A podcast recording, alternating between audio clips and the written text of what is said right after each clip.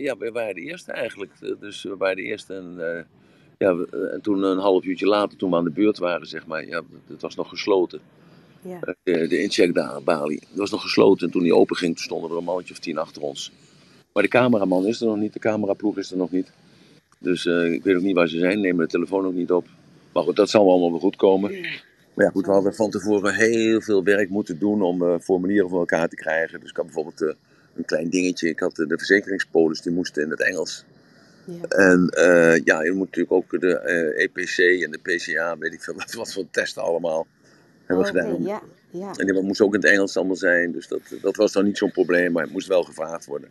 Ja. Ja, en dus Emiel die was echt, uh, ja, maar Emilio was heel nerveus bij die test. Die zegt, ja, ik heb gelezen en gehoord dat, het, dat, dat er een, een, potlood helemaal je neus ingaat.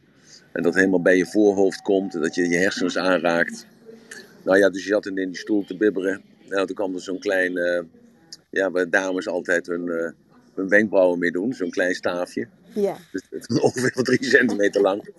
Die kwam toen, dat werd dus gewoon aan de buitenkant van de neus, als het ware, wordt daar, uh, werd daar dan eventjes wat vocht uitgehaald. Oh, wat fijn. Dus niet ja. inderdaad die, uh, die testen nee, helemaal inderdaad zo ver naar boven. Nee. Dat scheelt echt wel, ja. Nee, maar het is allemaal kletskoek, allemaal kletsverhalen, man.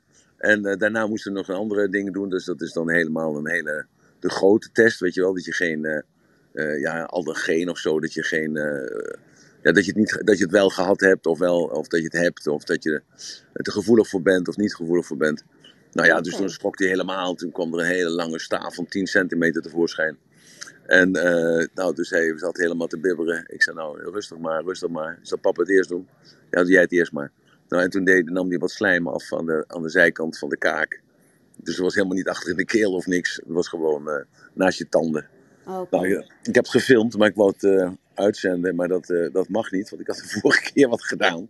Had ik zoiets, dus Emilio ook gefilmd en uitgezonden oh, op die, Facebook. Ja. ja. En dat hadden ze dus geweigerd. Of de, we hadden ze meteen gedismist. En, dus toen hadden ze nog één keer en dan krijg je gewoon strafpunten. Dan mag je gewoon een jaar niet op Facebook of het LinkedIn komen. Ja, dus dat heb ik niet gedaan. Nou, oké, okay, dus we zitten hier nou veilig en wel. Ja, zo is het. Hoe laat vlieg je? Uh, we vliegen iets over tienen, dus het kan oh, zijn joh. dat. Uh, ja, maar dat maakt niet uit, dat geeft niks. Uh, dus ik, ik wacht gewoon tot laatste, tot iedereen erin is en dan ga ik naar binnen toe. Ja. En want een mooi onderwerp vandaag. Nou, zeker weten. En nou, dat is het, Annemieke. Fijn dat je erbij bent, meid. Ja, dus nogmaals, ja, als de mensen bij me komen zitten of tegenover me komen zitten of zo, dan zal ik even mijn stem iets verzachten. Dan zal ik me een beetje aanpassen aan dat kabaal hier. Als het rumoer is, laat het ook gaan, alsjeblieft even weten. Ja, zal ik doen. Dan, ja. Nou ja, het is al hartstikke mooi dat je ook op deze dag uh, gewoon bij ons hier weer van de partij bent.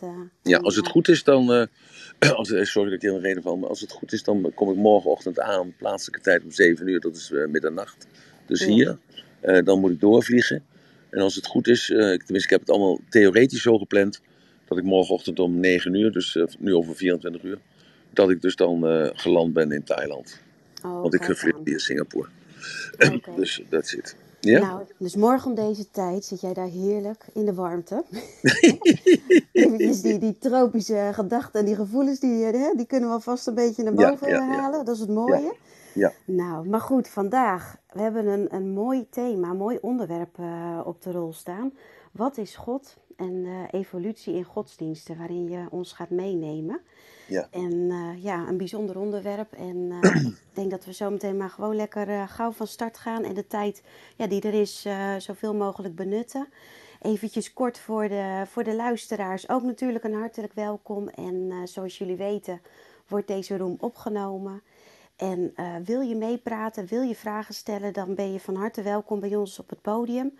En ook gedurende de room kun je natuurlijk altijd je hand opsteken, dan, dan haal ik je naar boven. En mocht je nou niet in de gelegenheid zijn om, uh, om naar boven te komen, dan mag je mij ook even via de chat een berichtje sturen. En dan probeer ik het gewoon ertussen te fietsen en jouw vraag te stellen. Dus nou, voor zover eventjes de, ja. de huishoudelijke mededelingen. En had jij verder nog wat aan toe te voegen op dit moment, Emiel? Nee, ik had niks toe te voegen. Ik, uh, ik zit te denken van waar moet ik nou beginnen, want het is een heel gecompliceerd onderwerp. Ja. En er moeten jaartallen allemaal en dergelijke. Dus dat kan wel eens een beetje door elkaar heen lopen en dergelijke. Maar ik zal toch proberen er een lijn in te maken. Zodat het ook dan in de, in de tijd te begrijpen valt. Want daar gaat het namelijk om. Dat is het belangrijkste van alles. Dat is het belangrijkste van alles. Nou, mm. goed. Nou, uh, nou, dank jullie wel dat ik de tijd krijg en uh, de energie krijg van jullie en de aandacht krijg van jullie om dit, uh, naar mijn gevoel, uit te leggen hoe dat nou eigenlijk ontstaan is allemaal. He, want we zitten nu momenteel zitten we bovenin die piramide van Maslow, he, de zelfrealisatie. Maar wat voor weg hebben we dan gegaan? En als we dan even terugdenken in de, de middeleeuwen, dus dat, dat hebben de meeste mensen hebben dat nog wel geleerd op school. Ja, dat waren echt de donkere middeleeuwen. Want er was toen geen bestaan, het was overleven. En je had eh, een hele kleine uh, kliek die daarboven zat. Dat was de klerus, dat was de kerk. En dat was de adel, hè, dat was het koningshuis. En dat waren de kooplieden, misschien nog een beetje erbij, de kooplieden. Maar dat waren die drie en die hielden het volk dom en stom en klein en arm. En dat was, uh, ja, daarom waren er vroeger ook, werden er zoveel kinderen geboren, tussen de 8 en de 12 per echtpaar. Want die kinderen werden geboren omdat de kindersterfte zo hoog was. Dat is gelijk ook een indicator dat de gemiddelde leeftijd dus zo gestegen is. En dat heeft niets mee te maken dat, uh, dat eigenlijk oudere mensen ouder worden. Dat is helemaal niet zo. Dat lijkt zo, maar doordat de kindersterfte vroeger zo groot was, was de gemiddelde leeftijd zo laag. En dat is eigenlijk uh, tot de jaren 50 is dat zo geweest. En als je kijkt op een kerkhof, dat moet je maar eens doen. En dan moet je maar eens kijken naar oude graven, hoe oud die mensen werden dan is het toch gemiddeld als ze tussen de 75 en de 85 werden. Heel, heel eigenaardig. Maar goed, we moeten ons wel verplaatsen in de tijd. Dat is wel heel belangrijk. En daarom begin ik eigenlijk even met die middeleeuwen. Hè, want daar weten de meeste mensen dan toch nog wel iets van. Hè, maar zijn vergeten dat er uh, echt heel veel armoede was en er was duisternis. En het enige om daaraan te ontvluchten was dus dat je in de hemel kwam. En in dat denkbeeld is dat christendom is dus gegroeid. Uh, omdat ja, mensen waren volgers, mensen dachten niet na.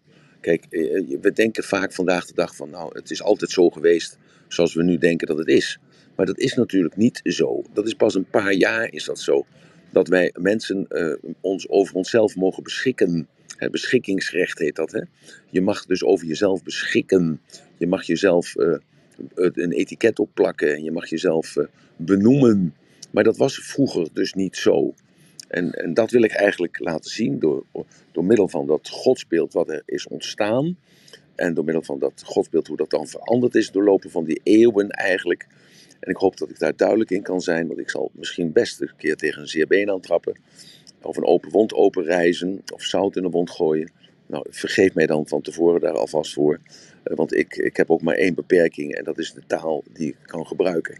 En nou, en even kijken, als we dan kijken even naar de grijze oudheid. Hè, we kijken dus eventjes een jaar of 10, 20, 30.000 kijken we terug.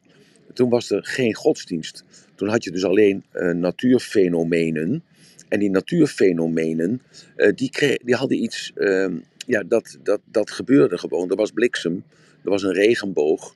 Uh, het werd in één keer s'nachts werd het donker. Het overdag werd het dan licht. Ehm, ja, er was een, een koude tijd en er was een warme tijd. En voor de mensen dus, die dus voortkwamen uit de chimpansees, zoals we dat dan geloven in de evolutietheorie, dan was dat dus iets, ja, iets onverklaarbaars. En dat onverklaarbare, dat gaf dus iets mystieks. Dat gaf dus bij de mensen iets van, ja, dan, dan is er dus iets anders bij ons of boven ons, wat, wat ons stuurt. Want hoe, hoe kan er anders donder zijn? Hoe kan er anders bliksem zijn? Hoe kan er anders een rivier overlopen? Hoe, hoe, hoe, hoe is dat allemaal mogelijk? En vanuit die gedachte, en dat is dus heel interessant, er zijn dus een aantal mensen, dat zijn dan religieuze leiders geworden, die hebben daar een, iets, een, een naam aan gegeven.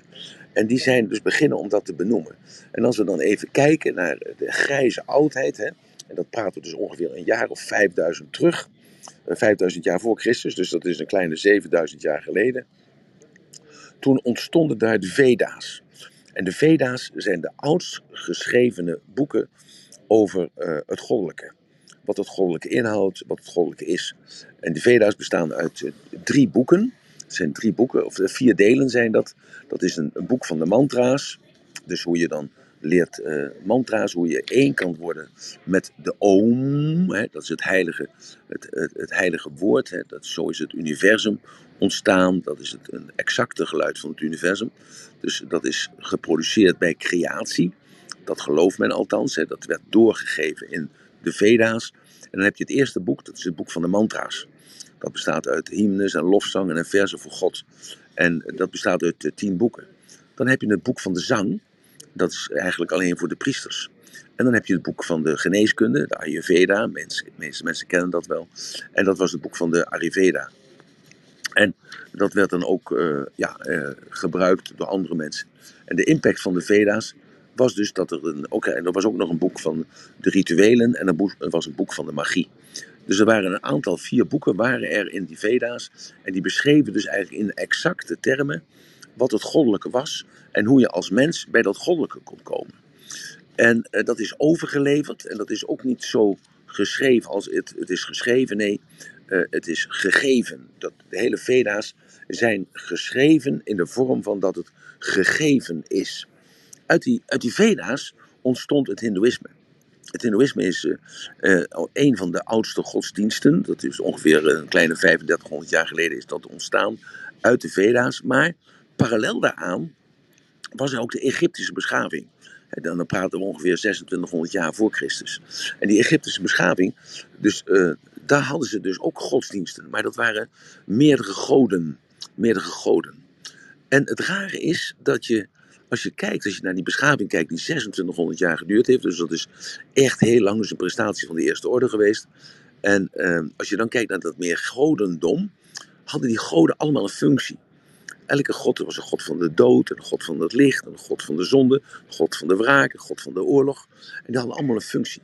En waarom was dat? Omdat op de een of andere manier die mensen toen al wisten van als je ergens in gelooft, ja dan, uh, dan gaat het allemaal iets, beter. Dan ben je iets sterker, of dan ben je iets slimmer, of dan ben je meer gefocust. Ja, dat woord kennen ze natuurlijk niet, maar daar ging het eigenlijk om. En uh, zo zie je dus dat, uh, dat meer godendom, dat was dus de norm dat was de norm en werd de norm. Want godsdiensten komen altijd uit elkaar. Ze bevruchten elkaar. Want uit die Egyptische uh, godsdiensten zijn, is de Romeinse godsdienst gekomen. En dat was uh, 500 jaar voor Christus. De Griekse uh, godsdienst is daaruit gekomen. Dat was 1000 jaar voor Christus.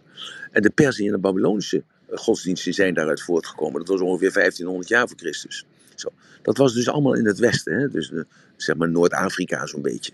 En een beetje Turkije en ja, een beetje Griekenland. Hè. Dus, dus eigenlijk om de toenmalige wereld heen. En dat was dus de Middellandse Zee. Dat was de toenmalige wereld. Maar we, denken vaak alleen maar in termen van Europa of van Nederland. En we kijken dus van die kant kijken we naar de wereld. Maar als we kijken naar de andere kant van de wereld, we kijken naar China en Japan, dan zien we daar dat daar dus uh, 4000 voor Christus, dus, dus nog, nog langer als dat dus, de, dus nog eerder als dat de Egyptische begrafeningen was, waren die Chinezen, die hadden al besef over iets goddelijks. Die bedachten daar iets. En dat had nog niets met het boeddhisme te maken, want dat kwam pas later. Maar die hadden dus al uh, een heel ander besef over uh, de natuur en over de wind. En uh, hetzelfde Japanners, dat, dat is ongeveer 3500 jaar voor Christus, dus 5500 jaar geleden, die hadden die hadden ook meerdere goden. Althans, dat noemden ze de Shinto. Maar er waren alleen maar heilige geesten. Er waren de sterke geesten, de zwakke geesten, de, de, de zwarte geesten, de lichte geesten, de donkere geesten. En dat was dus in Japan. En in China was er dus iets, het, het dat waren regels. En uh, de Japanners hadden dat ook. En daarom, toen het boeddhisme kwam, dat was 600 jaar voor Christus, ja, viel dat eigenlijk in uh, geploegde aarde. Want uh, boeddhisme is eigenlijk geen godsdienst. Dat zijn leefregels. Dat zijn regels die uit de natuur voorkomen. Want als je kijkt naar karma, oorzaak en gevolg, alles is een oorzaak en alles heeft een gevolg. En elk gevolg komt voort uit een oorzaak. Zo. En, uh, Mag ik heel even ja. gauw wat vragen? Want jij, jij gaf aan, die Veda's, dat is, dat is even dat beginpunt. Ja. En parallel daaraan uh, ging die Egyptische beschaving zich ontwikkelen, waar ja. van alles uit voortkwam. Maar ja. die Chinese en Japanse, is die, dan, is die daar ook als een soort parallel? Of valt nee, dat weer onder nee. die Veda's wel? Nee, nee, vanuit die Veda's? Nee, die wisten helemaal niks van die Veda's af. Okay. Die wisten helemaal niks van die Veda's af. Dus het, het rare is dus dat Europa helemaal niet te sprake komt, hè? Daarom, Nee. daarom benadrukte ik dat dus eventjes. Want wij leefden dus in duisternis. Wij liepen nog in berenvellen rond.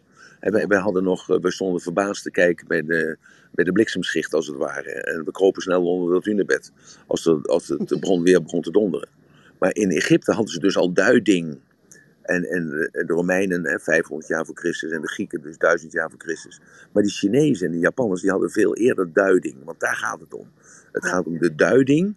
Dat ze dus dat natuurgeweld gingen benoemen eh, in een groter kader dat het een betekenis had. En eh, dat ze daar dus door middel van die godsdiensten die ze bedachten daaruit. Hè, want het, eh, toen was er niet nog een man zoals Jezus gekomen of Mohammed of zo. Nee, dat, ze hadden het zelf bedacht, omdat het allemaal met de natuur te maken had. En, en, uh, ja, en daarom is dat, dat boeddhisme, dat is eigenlijk een logisch voortvloeisel daaruit. Daarom wil ik dat eigenlijk ook zo vertellen. Dat dat boeddhisme, dat, dat zijn leefregels. En dat zijn leefregels van de natuur. En de natuur volgt een bepaald patroon, bijvoorbeeld uh, het zeven seizoenen. En na de winter komt de lente. Dus na, na, de, de rust komt het nieuwe leven. En dat komt tot volle bloei in de zomer. En dat sterft weer af in de herfst. En dan is het helemaal niets tot rust te komen in de winter. En dan begint het helemaal weer overnieuw. Dus het leven is een zijn cycli. En zo hebben zij dus dan ook dat reïncarnatie bedacht. Want alles komt weer terug, alleen in een andere vorm. Dus dat is een natuurlijk iets. Dus reïncarnatie hoort bij boeddhisme. En boeddhisme heeft dat bedacht, omdat dat gewoon, dat blaadje valt van de boom. Hè, of een, een koe die, eh, die, poept om de, uh, die poept ergens. En dat wordt later weer gebruikt als mest. En daardoor kan dus er ook weer wat groeien. Met andere woorden, de mest wat een uitwerpsel is, wat dus een restant is van iets, dat is dus de oorzaak van dat er weer nieuwe bloemen kunnen groeien en nieuw vlees kan, kan groeien. Zo, dus dat is het, een, een logisch gevolg vanuit die gedachte die in het, uh, in het oosten dus heel anders is dan in het westen. En dus dat, uh, de Egyptische beschaving valt dus ook onder het westen, want dat is het Middellandse zeegebied. En de Romeinen en de Grieken is ook om het Middellandse zeegebied. En de Persen en Babylonië zit ook om, het, het, ja, dat, dat hele gebied van bij de Middellandse Zee. Zo, dus heel interessant. En we hebben het ook nog over Atlantis natuurlijk. Hè. Dat is een verdwenen continent in de Middellandse Zee. Dat is dan door Homerus is dat beschreven dus dat is ongeveer duizend jaar voor Christus, heeft Homerus dat beschreven, dat Atlantis is vergaan. En dat Atlantis is vergaan door zijn hoogmoed, eh, want zij dachten dat ze zelf God waren. En dat is heel interessant, want dat was dus weer een, soort uh, opzetje voor iedereen om zich dus niet te veel te wanen. Dus dat, dat je nederig moest zijn, dat je, dat je op moest kijken naar het goddelijke, dat je moest knielen voor het goddelijke, je moest je klein maken. Dat is ook de reden dat de kerken groot zijn, dan lijk jij ook klein. En dan voel jij je ook klein. En dan word je ook klein. En dan word je dus nederig. En dan, dan aanbid je als het ware vanzelf naar dat, dat, dat hoge wat daarboven zit. Zo, dus het, het gaat erom dat je even ziet het verband tussen elkaar. Dat is in het oosten eigenlijk een, een hele andere cultuur heerste. Dat was ook feodaal, maar dat was natuurlijk in het, in het westen was dat ook alles wat feodaal van bovenaf aan naar beneden. En je had dan de keizer en de koning. Daar kom ik straks nog even op terug in de vrijmaking. maar er waren keizers en koningen en die uh, breidden hun gebied uit door middel van geweld. En ze hadden daar die godsdienst bij nodig. Ze hadden dus die, die klerens daarbij nodig. En of dat nou in het oosten was of in het westen was, ze hadden de, het goddelijke bij, bij nodig. Want dat riep dus dan de, de zegen af. Hè? Dus de priester die was in dienst van God, zogenaamd. Maar die luisterde naar die koning. Want die at van die koning, of van die keizer. En die riep dan dus de zegen af over de oorlog. En al die mensen geloofden dus werkelijk, als ik sterf in die oorlog, ja, dan, uh, dan kom ik in de hemel. En uh, misschien hebben jullie wel eens die serie gezien van de Vikings op Netflix. En dat werd heel mooi verteld dan, tijdens al die strijd. Hè, dat, dat ze dan dachten van, luister, laat me nou doodgaan, laat me nou doodgaan. Want dan kom ik in het Walhalla, dan kom ik in de hemel. En ik herinner me nog één figuur in die Viking-serie beetje een oudere man. En die was altijd zaggerijnig, omdat hij, uh, die, als hij in het gevecht was, dan was hij zo fanatiek dat hij altijd overleefde. En uh, iedereen die uh, reeg hij aan het mes, behalve hij werd niet aan het mes geregen. En elke keer was hij vertwijfeld dat hij ooit zou sterven buiten het slagveld om en dat hij niet in het Valhalla zou komen. Nou, uiteindelijk werd zijn wens werd beantwoord, werd, werd voltooid, toch? Zijn wens werd gehoord. En hij werd uiteindelijk door een nog iets grotere, iets jongere en iets sterkere man werd hij geveld. En je ziet hem dan ook sterven met een licht in het ogen van nu ga ik naar het Walhalla. Het, het, het gaat alleen om dat ik graag wil laten zien dat, dus, dat het allemaal uh, ja, dus meer godendommen waren. En uh, dat meer godendom, dat was dus dat er voor alle redenen was er een godje, als het ware. Maar die Veda, dat heeft dus, die Veda, die sprak over één God. Want God had gesproken en God is met ons en bij ons. Dat staat ook in de Veda's. En dat dus die vier boeken die er geschreven waren, zoals wat ik net vertelde, dat waren allemaal systemen om dichter bij God te komen. want God is om ons heen en God zit in onszelf. Dat staat in de Veda's. Uit de Veda's direct is het Hindoeïsme ontstaan. Dat is een, een oudere godsdienst als wij. Dat is dus ongeveer 3500 jaar geleden. En zij hebben dus van die ene God, hebben zij gezegd, maar luister, er is maar één God, maar God is om ons heen en alles is God. En God is één. Dat wil dus zeggen dat we ook een, een, een rat kunnen aanbidden. We kunnen ook een bloem aanbidden. We kunnen ook een huis aanbidden. We kunnen een god aanbidden. We kunnen een mens aanbidden. We kunnen, we kunnen alles aanbidden. En zo heeft het Hindoeïsme heeft dus ontelbare goden. En heeft dus die Veda's op die manier geïnterpreteerd in die tijd. En we praten dus nu 3500 jaar geleden. Dat is natuurlijk ontzettend groot. Nou, er was dus een noodzaak voor religies. En waarom was die noodzaak voor religies? Hè? Omdat de gevestigde macht, die wilde natuurlijk maar één ding, en dat is macht hebben. En die dachten van, luister, als we dit, dit kunnen bedenken, eh, een overtuiging, een geloof, kunnen we geven met een, met een zwaar gevoel van binnen. Hè? Zo van, jongens, dit is echt het, het goddelijke, hier leef jij voor. Hij heeft ons geschapen. En al die goden die er zijn in onze religie, die hebben allemaal een functie. Dus als je gaat gaan oogsten, bid dan tot hem. Ga je ploegen, bid dan tot haar. Ga je strijden, bid dan tot de god van de oorlog.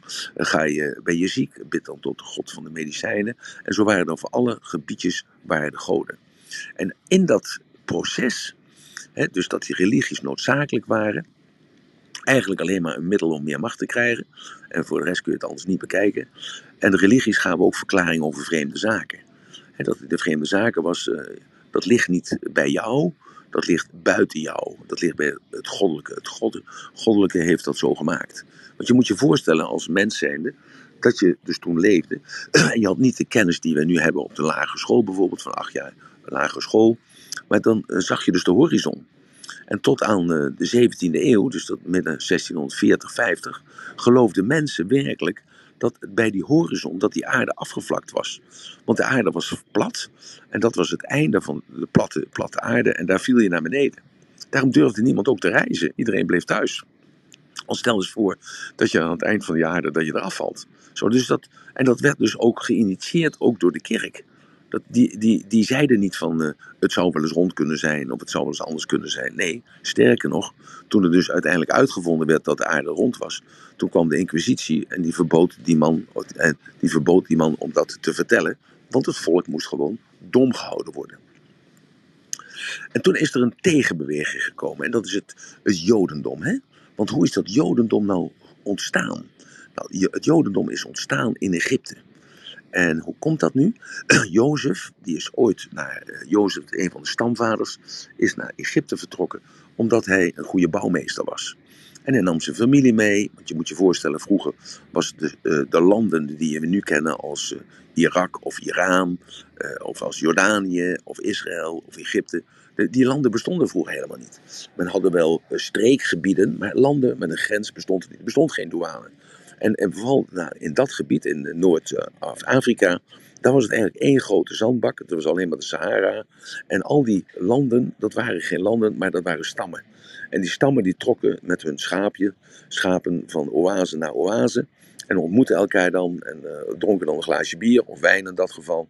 Uh, of ze maakten ruzie, dat kan ook natuurlijk. En daar uh, vermengden ze zich met elkaar. En zo is dat uiteindelijk gekomen dat er landen zijn ontstaan. Dat er mensen zijn met meerdere stammen en die hebben zich dan gevoegd. En in dat proces is dus Jozef met zijn, met zijn stam naar Egypte toegetrokken. Dat is dus, ongeveer een kleine 2000 jaar geleden. En die is daar, was een consultant, zeg maar, een coach van de farao. Had meer kennis over, uh, over cijfers en over letters. En hij kon mooi bouwen. En hij kreeg daar macht. Hij kreeg macht aan het uh, hof van de keizer, van de farao. En ja, hoe gaat dat? Ja, als je vreemd bent in een vreemd land, hè, dan, dan zoek je toch allemaal je eigen mensen op. Hè, dus ik weet niet of je ooit wel eens een lange tijd in Amerika bent geweest of ergens anders. Dan merk je dat je terug neigt. Je hunkert naar die oude waarden zoals Sinterklaas. Of samen met kerstmis vieren. Of paaseieren zoeken. Of hemelvaartsdag om te gaan douwtrappen. Dan komt dat in één keer komt dat allemaal weer boven. En zo was dat eigenlijk daar ook. En wat gebeurde er? Dus al de familieleden, de stammensen van Jozef, die werden steeds, uh, ja, die werden overal voor gevraagd. Die werden rijker, die kregen aanzien, kregen grotere huizen. Nou ja, goed. En toen gebeurde daar dus, uh, ja, een kleine 3000 jaar geleden, gebeurde daar precies hetzelfde wat hier in Nederland gebeurt. Dan worden die mensen, dat, de allochtonen, dat waren toen allochtonen voor de, want de Egyptenaren waren autochtonen. En die autochtonen gingen een hekel krijgen aan die allochtonen, want die allochtonen die hadden ja, eigenlijk iets voor ja, die hadden voor dat ze met elkaar, elkaar de bal toespeelden, zou je bijna kunnen zeggen. En zo is het gedonder begonnen, dat er een, een nieuwe farao kwam. En uh, die had dat niet helemaal begrepen, waarom die Jozef ooit hier naartoe gekomen was, waardoor hij zijn mensen had geholpen om een beter leven te krijgen. En die uh, begon de, die, groep van Jozef te onderdrukken. En toen is dat idee gekomen van Abraham. Dat Abraham was, die had God gesproken. En Abraham die, die zei, er is maar één God. En dus in dat meer godendom van die Egyptenaren konden die Joden bij elkaar komen met een één godendom, met één God. De God van Abraham was dat. En God van Abraham beloofde hen dat hij hen uh, zou bevrijden. Hij zou hen brengen naar het beloofde land. Dus kun je je voorstellen, dus dat is dus nu al uh, een kleine 3000 jaar oud, die belofte van God aan het speciale volk, aan zijn volk. Het is zijn volk, zijn de Jodendom. De Joden zijn het, is zijn volk. En jij behoort tot die, ja, tot die, tot die clan. En er zijn maar 12 miljoen Joden op de hele wereld. Dat is relatief gesproken heel weinig. Maar als je kijkt hoeveel macht deze mensen hebben, dat komt omdat ze altijd zijn onderdrukt. Maar dat, dat even terzijde. Zo, dus daar is dus het één Joden, het één Godendom ontstaan in de verdrukking als tegenbeweging naar het meer Godendom. Dus dit is heel belangrijk om dat, uh, dat even, daar even bij stil te staan. En toen heeft uh, God heeft hen, hè, door middel van Mozes, jullie kennen dat verhaal natuurlijk allemaal wel, met de tien plagen, uiteindelijk uit Egypte geleid, op weg naar Canaan. Dat was dus dat gebied, want Israël bestond niet, Palestina bestond niet, Jordanië bestond niet, naar Canaan. Dat was een klein gebiedje, zo'n beetje bij de Dode Zee. De, de Dode Zee, ja, sorry, de Dode Zee. Bij de Dode Zee. En daar hebben ze dan 40 jaar over gedaan, omdat God hen gestraft heeft omdat zij niet luisterden naar hem, maar luisterden naar het gouden kalf. Nou, dat verhaal kennen jullie natuurlijk ook allemaal. En eh, toen is uiteindelijk zijn ze daar terechtgekomen, bij Canaan, na, een, een, voettocht van 40 jaar. Dat was dus twee generaties. Dus de generaties die de, de slavernij meegemaakt hadden in, uh, in Egypte, die zijn, hebben nooit zelf dat beloofde land bereikt. Het waren hun kinderen, zeker kleinkinderen, die het beloofde land bereikt hebben. En ja, ja jullie hebben wel eens vaker gehoord, slechte tijden maken sterke mensen. En sterke mensen maken goede tijden. Goede tijden creëren zwakke mensen en zwakke mensen creëren slechte tijden. En dan is het balletje weer rond. En dat is meestal, is het, elk seizoen is 20 jaar. En zo gebeurde dat ook. En toen kregen we daarna, ongeveer een honderd jaar later, kwam er de Babylonische ballingschap. En dus de Joden werden wederom weggevoerd uit hun beloofde land. Werden weer weggevoerd. En zo zijn uh, de Joden eigenlijk altijd vervolgd gebleven, omdat zij zichzelf ook bijzonder vonden. Want zij waren het uitverkoren volk. Uh, begrijp je wat ik daarmee zeg, Annemiek? He, zij stelden zichzelf als het uitverkoren volk. Ja. En, en, iedereen had daar een, beetje de schurft over. Want die dacht, ja, verdomme, uh, ja, die was of jaloers of kwaad. Of ja, in ieder geval iets van, dat vonden ze niet prettig. Dat, dat zij niet tot het uh, uitverkoren volk konden komen. Want je kon ook, niet, je kon ook geen Jood worden. Je werd als Jood geboren, hè, uit een Joodse vrouw. En het had niets met een Joodse man te maken. Het had met die vrouw te maken. Dan hij, en dan behoorde je tot het uitverkoren volk. Ja, dat is hetzelfde als dat je hoort bij een clubje. Weet je wel, je hebt een speciaal, een geheime genootschap hè, die er bestaan in onze maatschappij. Ja, en dat, uh, daar kun je alleen maar bij komen als je, als je op een bepaalde manier geboren bent. Zo, dus dan ga je begrijpen dat het, dat denken creëert ook een soort agressie. Ik, ik praat niet goed hoor, dus begrijp me goed, maar dan begrijp je ook... Een soort verheving wat ze ja. daarmee ja. Uh, ja, ja. beogen of ja, uitstralen. Ja. Ja. En, dat, en dat hebben ze dus uh, ja, al die duizenden jaren volgehouden. Dat is dus ook fantastisch mooi om dat te bedenken hoe dat kan. Maar dat heeft te maken met dat geloof, die overtuiging dat er één God is. En dat is dus de God van Abraham.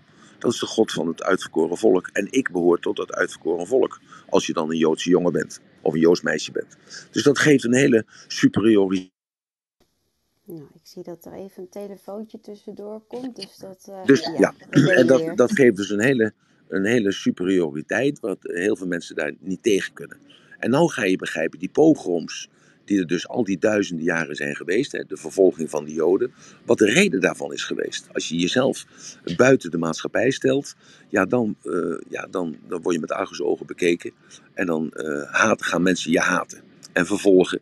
En nogmaals, ik praat niks goeds, ik probeer gewoon klinisch een uh, verklaring te geven over datgene wat iemand doet of wat een groep doet, zonder dat ze weten wat de gevolgen zijn.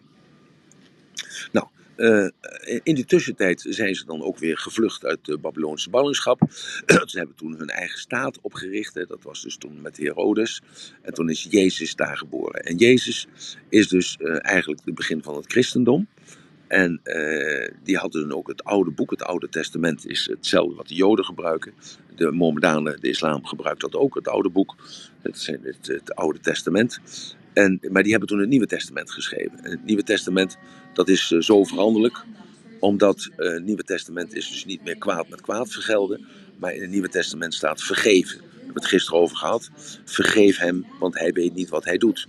En Jezus is daarvoor gekruisigd en die heeft ook iedereen vergeven die hem dat kwaad heeft aangedaan. Nou, uit het Jodendom kwam uiteindelijk na 700 jaar kwam er ook voor het, is, het islam. Want de islam is ook voortgekomen uit het Jodendom. Dus Mohammed, ik wil niet zeggen dat Mohammed een Jood was, maar hij had wel Joodse roots. En vanuit die gedachte is, dat, is, dat, is de islam gekomen. Dus als even dat in de tijd gezien, hè, het boeddhisme ontstond 600 jaar voor Christus. En uh, je had dus het christen, het jodendom was er al. En toen kwam dus uit het uh, jodendom kwam dus dan het christendom, dat was het jaar nul. En in het jaar 700, dus dat was 5, dus 11, 1300 jaar nadat het boeddhisme is ontstaan in het oosten, is dus het, uh, is is het islam ontstaan. Dus de islam is relatief gesproken een hele jonge godsdienst. Maar met dezelfde God. Het was de God van Abraham. Alleen noemden zij die anders Allah, want dat is Arabisch. Dat is een andere taal als het Jiddisch, of een andere taal als uh, Chinees natuurlijk. Is dat duidelijk tot nu toe? Ja, ik zit intussen eventjes uh, hier ook mee te tekenen. Want je geeft aan vanuit de, uh, het, het Hindoe, volgens mij even helemaal terug de Veda's. Vanuit de Veda's ja. het in Hindoeïsme. Ja. Vanuit het Hindoeïsme is later het Boeddhisme ook nog ontstaan. Ja, klopt. En daarna gaan, gaan daar uitsplitsingen plaatsvinden. Ja. Zeg ik dat goed? Ja, en dan ja. komt dat Jodendom komt dan in het jaar nul erachteraan. Het Jodendom ontstaat dus duizend jaar voor Christus. Zo'n beetje. 800 Oké. jaar voor Christus dat Jozef naar uh, Jozef gaat. Dat is niet de vader van Jezus, maar een andere Jozef. Een aartsvader is dat. Die gaat dan naar Egypte toe als, uh, als een soort, uh, met zijn hele familie, als een soort gastarbeider. Ja. En dan duurt dat één generatie. En dan wordt zijn hele clan, zijn hele stam wordt dan vervolgd. En die komen dan tot slavendom in, in de Egyptische hiërarchie terecht. Ja. Zo. Ja, en dan, en komt vanuit die, en dan vanuit die beweging, vanuit die, dus de- van het meer godendom wat de Israëli's wat de, wat de Egyptenaren hadden, komt dan als tegenbeweging de God van Abraham. Dus dat is een één godsdienst, hè? dus één God is dat, monotheïsme. Ja. Ja? En dan de islam komt dan weer vanuit het Jodendom. Ja, en net als het christendom, komt ook uit het jodendom. Zo, dus ze hebben allemaal bepaalde roots. Eh, eh, en maar dat komt dus uit dat jodendom, komt dus als, uit, als tegenbeweging van het meergodendom, komt er dus een tegenbeweging, dat is het één, god, het één goddom, monotheïsme. En dat is en de joden, die beginnen dus met een nieuwe trend. Ja. Het is gewoon een nieuwe trend. Ja? Oké, duidelijk. Yes. Zo, dus je moet goed onthouden dat toen de tijd de macht aan de elite was. Hè? De macht was aan de elite. En de mensen, ja, die, eh, ik heb het al eens vaker verteld, als je kijkt naar films bijvoorbeeld van eh, dat de Fransen vochten tegen de Duitsers, hadden de Fransen een, eh, een, een, een blauw uniform aan en de Duitsers die hadden een rood uniform aan. En de Engelsen hadden een groen uniform aan. Toen sprak men nog niet van eh, camouflagekleuren, want het was een eer om te sterven voor je, voor je land en voor je God en voor je vaderland en voor de koning. Dat was een eer. Zo. Dus de mens was niets. Hè? Dus zoals wij nu verlicht zijn. Dat is, eh, dat is in, eh, in 1789 gekomen met de Franse Revolutie. Toen is de verlichting op, op uh, gaan komen. Hè? Dus toen is de, zijn de mensen voor zichzelf opgetreden. En dat was toen, uh, hoe heet het ook weer, vrijheid, blijheid en broederschap. Nee, dat was Liberté, Égalité en Fraternité, zo was het ja. dus dat was in 1789, kwam de Franse revolutie. En dat was de kreet als Liberté, Égalité en Fraternité. Dat betekent vrijheid, gelijkheid en broederschap. En daarmee begon de verlichting. De verlichting wil zeggen dat de mens eigenlijk uit de duisternis kwam. Dat de mens het recht had, bepaalde rechten ging krijgen. Ging bepaalde rechten krijgen. Maar dat werd gestuurd door de koningen en keizers die er waren. Want niet vergeten dat de koningen en keizers, ja, toen had Frankrijk had een, een koning. Uh, er was een, een keizer in, uh, in Rusland, er was een keizer in Duitsland, er was een, een koning in Frankrijk, er was een koning in Italië, er was een koning in Nederland, in België. Er waren allemaal overal koningen, er waren machthebbers. En die hadden dus samen met de klerens, met de geestelijke leiders, die hadden een, een pact gesloten. En dat pact was dus dat de staat en het goddelijke was één. De staat en het goddelijke was één. Zo, en nu ga je, ja? Ja, is dat dan een soort van schijnverlichting die ze daarin in gang hebben gezet? Nee, nee, nee, nee. Oh, nee het, het, volk liet zich niet langer onderdrukken. Dus dat was in 1789. Toen hebben ze dus die Marie-Antoinette hebben ze dus onthoofd. Daar bij de Bastille. En die hebben ze dus gevangen genomen en gezet. Eh, en de zonnekoning hebben ze te pakken gekregen. En toen hebben ze echt, zijn tekeer gegaan als beesten. Maar dat waren dus allemaal uh, gewone mensen. Wel onder leiding weer van een adellijke jongelui. Die studeerden op de Sorbonne en dergelijke. En die uh, dachten van, ja maar luister, dit kan zo niet doorgaan. Hier willen wij niet verantwoordelijk zijn. Dus dat is al een soort verlichting in het denken. Zo moet je dat zien. Want, want voor die tijd was het eeuwen, was het gewoon zoals het was. Punt. Het was zoals het was. De mens was niets.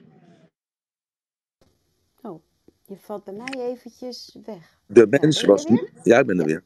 De mens was niets. Hè. De mens leefde in duisternis. Daarom praten we ook over de verlichting. De verlichting was dat de mensen het licht zagen. En dus vanuit dat bewustzijn wat er dus kwam. En dat is dus het mooie, hè, dat, het, dat het goddelijke, als je tenminste daarin gelooft, dat het goddelijke zich eh, ja, eh, ontwaakte eigenlijk als het ware in die periode. Men was niet meer gedoemd om te moeten luisteren. Dat heeft natuurlijk nog eeuwen geduurd. Maar daar is dat begin van die verlichting gekomen. Dus het, het bewustzijn werd daar wakker geschud. Oké. Dat was dus in 1789 was dat, ja. En wat bedoelde jij dan met dat pact wat, um, wat um, um, de geestelijke... De, de, de, de, geestelijke... de geestelijke leiders die hadden die hadden dezelfde uh, intentie als dat de uh, keizers en koningen hadden. Dus de, de aardse macht en de hemelse ja. macht. Ja. die werd gecombineerd met elkaar. En zo uh, bedachten zij dus die religies als zijnde een soort ketens voor de mensen. Ja, om ze daarin dus, te houden. Om ze erin te houden. En daarnaast ja, dus, ontstond die revolutie omdat mensen uit dat duister zich wisten vrij te maken als het als. Tegen, als tegenbeweging. Als tegenbeweging ja. Maar die mensen okay. wisten niet wat ze deden. Hè, dus ze dachten, ik, nou is het afgelopen. Ja. Uh, niet, uh, niet, we hebben recht op een televisie of zo, want dat bestond natuurlijk toch helemaal niet. Maar gewoon, uh, ze pikten het niet langer meer. En dat werd gesteund vanuit een aantal jongelui die uit de adellijke kringen kwamen. Dat heb je ook gezien in de Provo-tijd. Dat waren ook allemaal de, de kinderen van machthebbers, want toen was ook de universiteit nog niet ruim toegankelijk voor de zoon van de bakker of de, de dochter van de timmerman. Nee. Zo, en dat was dus toen ook helemaal, dat was dus voorbehouden aan de adel. Zo, dus dat is een, da, daarom noem ik het een verlicht tijdperk ook. De verlichting ontstond daar. Omdat dus eigenlijk vanuit de bezettende macht, hè, dus de adel, daar de kinderen van vonden dat het niet meer zo kon gaan. En zijn de aanstichters geweest van de revolutie. En anders moet je maar eens kijken naar de film Les Miserables. Of naar, dat, uh, naar die musical gaan. En dan wordt je dat wel duidelijk wat daar precies gebeurd is. Zo. Maar het was dus één. Die geestelijke leiders hadden een plannetje gesmeed samen met de koning en de keizers om de mensen dom te houden en de mensen onder de knoet te houden. Want uh, de koning en de keizers die wilden maar één ding, dat is expanderen. Die wilden dus uh, groei hebben, die wilden dus hun land groter maken, waardoor ze meer belasting konden heffen. En wat wilden de geestelijke leiders? Die wilden meer mensen in de kerk hebben, want dan hadden zij meer, uh, meer het gevoel dat ze goed hun best deden. Want je moet altijd uitgaan van de intentie. Het, gaat om de achtergrond dus eigenlijk. Dat men dus, uh, dat, dat, we, dat wij altijd uh, behandeld zijn als slaven, als gehorigen, hè, het woord zeg maar, gehoren en lijfeigenen. Dat woord zegt het ook al, het lijf, je bent niet je eigenaar van je eigen lijf, maar iemand anders was eigenaar van jouw lijf. Dus het slavendom, als het ware, waar vandaag de dag zoveel over gepraat wordt, dat dat in Afrika gebeurde, dat is dus tot aan de 17e, 18e eeuw was dat ook heel normaal in Europa, maar had het een andere noemer. Het waren lijfeigenen en horigen. Maar het is precies hetzelfde. Je, je had dus niet het bezit over jezelf, maar iemand anders had jou als zijnde bezit. En dus in die, in dat, uh, dus die kerk speelt daar dus een rol in. En we praten dus nu over het uh, eengodendom, hè, dus we praten over het christendom. We praten nu even over Europa. En dat christendom, want het, de islam zat dus uh, veilig in Arabië. Die, die kwamen, hadden ook helemaal geen, geen kerstenidee, van die wilden ook helemaal niet de wereld gaan veroveren. De Moren hebben dat wel gedaan. Die zijn tot aan Wenen gekomen. En die hebben nog Granada gebouwd. In, het Alhambra gebouwd in Granada. In Spanje. Maar die zijn weer teruggetrokken uh, op een zeker moment. Omdat ze dachten van nou, uh, wat moeten we hier zoeken? Dat, dat schiet allemaal niet op.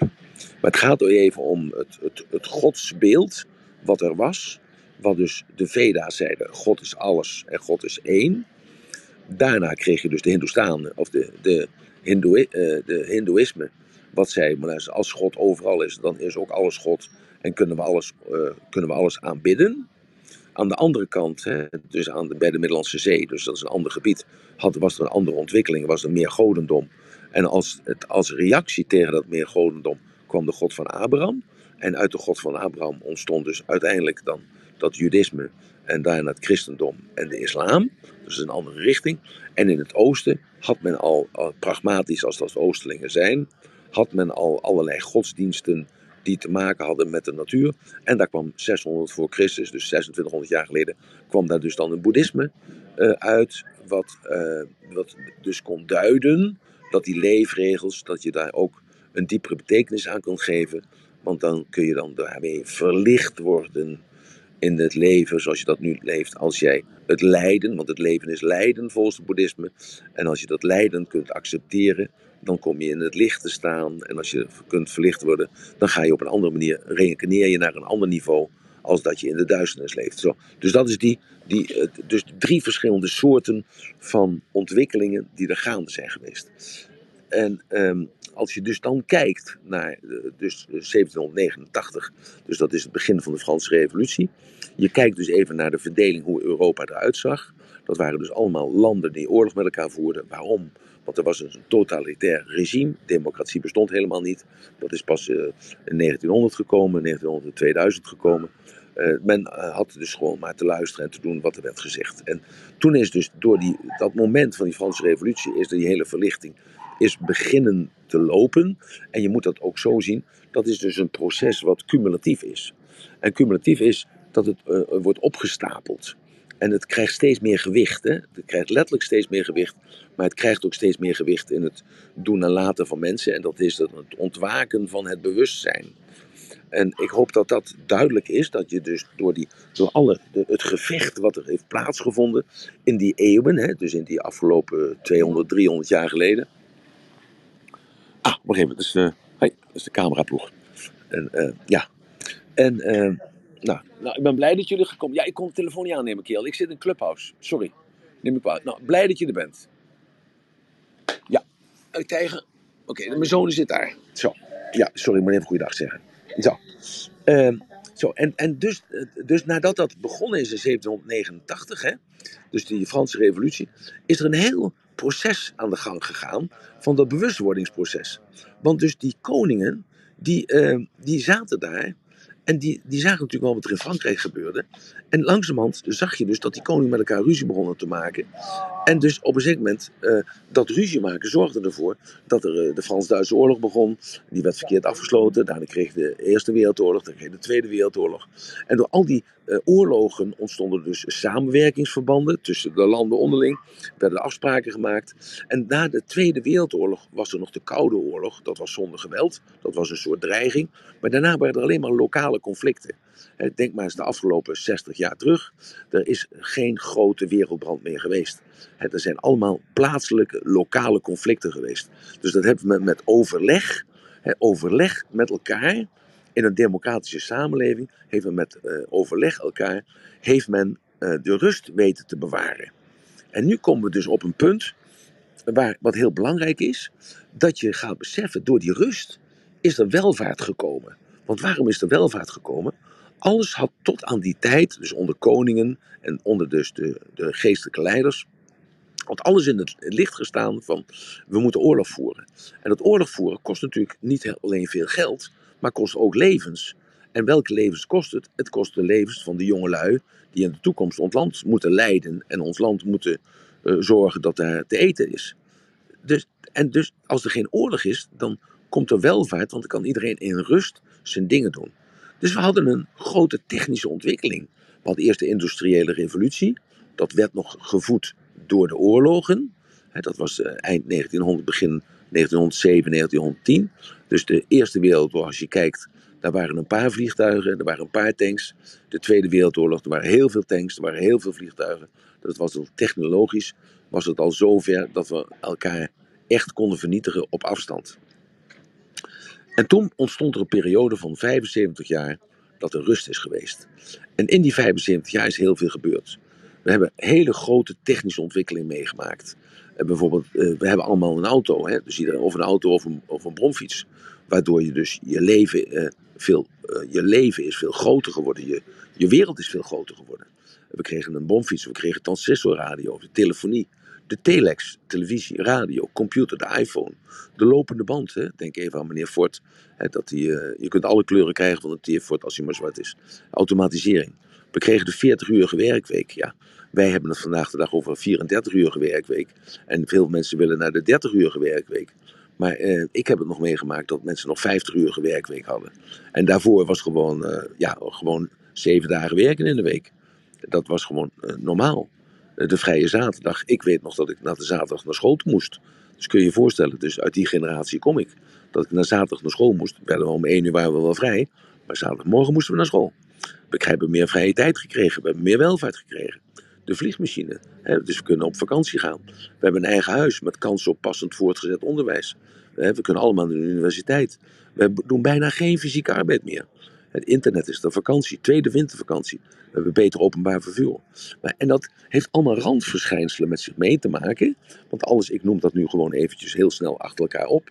Maar het heeft ermee te maken dat daardoor het denken is veranderd. De rituelen die dus geïnitieerd waren door de koning en de keizers en de geestelijke leiders, die rituelen veranderden met de tijd. Wat voor rituelen kwamen er voor in de plaats? We gingen aan sport doen. Je denkt toch niet dat honderd jaar geleden de mensen waren die aan sport deden? We kregen, we kregen hobby's. Je denkt toch niet dat honderd jaar geleden de mensen waren die een hobby hadden?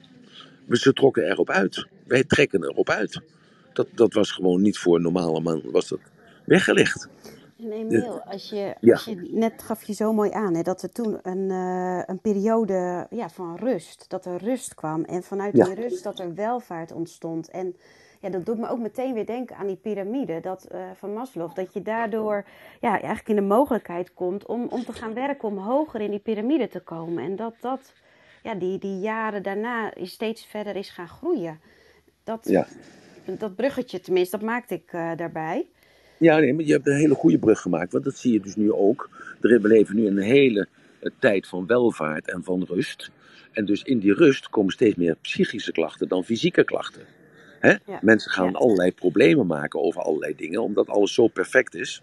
En in die perfectie zijn altijd weer dingen aan te merken die niet perfect zijn. Zo, dus mensen gaan zich steeds drukker maken om dingen die dichterbij komen, omdat er tijd voor is. Dus het is precies dezelfde, dezelfde uh, vergelijking.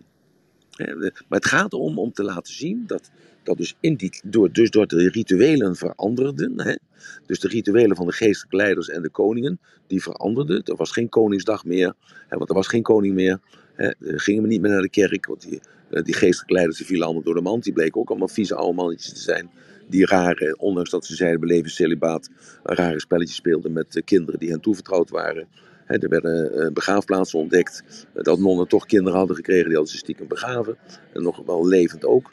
Dus, dus er gebeurde heel veel in die afgelopen 50, 60 jaar.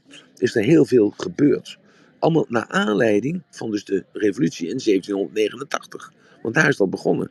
Dus, dat is, dus toen werd het duidelijk. Want het gaat er altijd om dat je iets, als je iets kunt duiden, dus dat wordt duidelijk, dan, dan krijg je bewustzijn. En nou, en dus toen kreeg je dus het begin van dus de vorige eeuw. had je dus dan de Eerste Wereldoorlog, de Tweede Wereldoorlog. Dat waren dus de nadagen eigenlijk als het ware van, dus de, niet, van, de, van de feodale tijdperk. Daarna kwam pas de democratie op gang, na de Tweede Wereldoorlog pas goed. daarom praten we vandaag de dag over populisme en dergelijke omdat dat dan in de ogen van de conservatieve mensen, dus oudere mensen vaak, dat we doorgeschoten zijn. Dat dit nooit de bedoeling kan zijn van ons politieke systeem. Dat iedereen dan maar op de kansel wat staat te schrijven in de Tweede Kamer. Nee, maar dat is wel democratie. Maar goed, dat is een andere, andere zaak. Het gaat erom dat dus door die welvaart die we hebben gekregen, door de rust die er was, omdat men in overleg eh, de, de oorlogen, de wereldbranden kon beperken tot lokale conflicten, dat daardoor er welvaart is gekomen.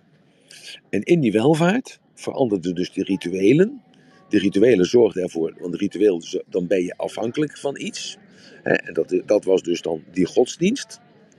En in, dat, in die veranderde tijdperk eh, nam de staat de plaats van de kerk in.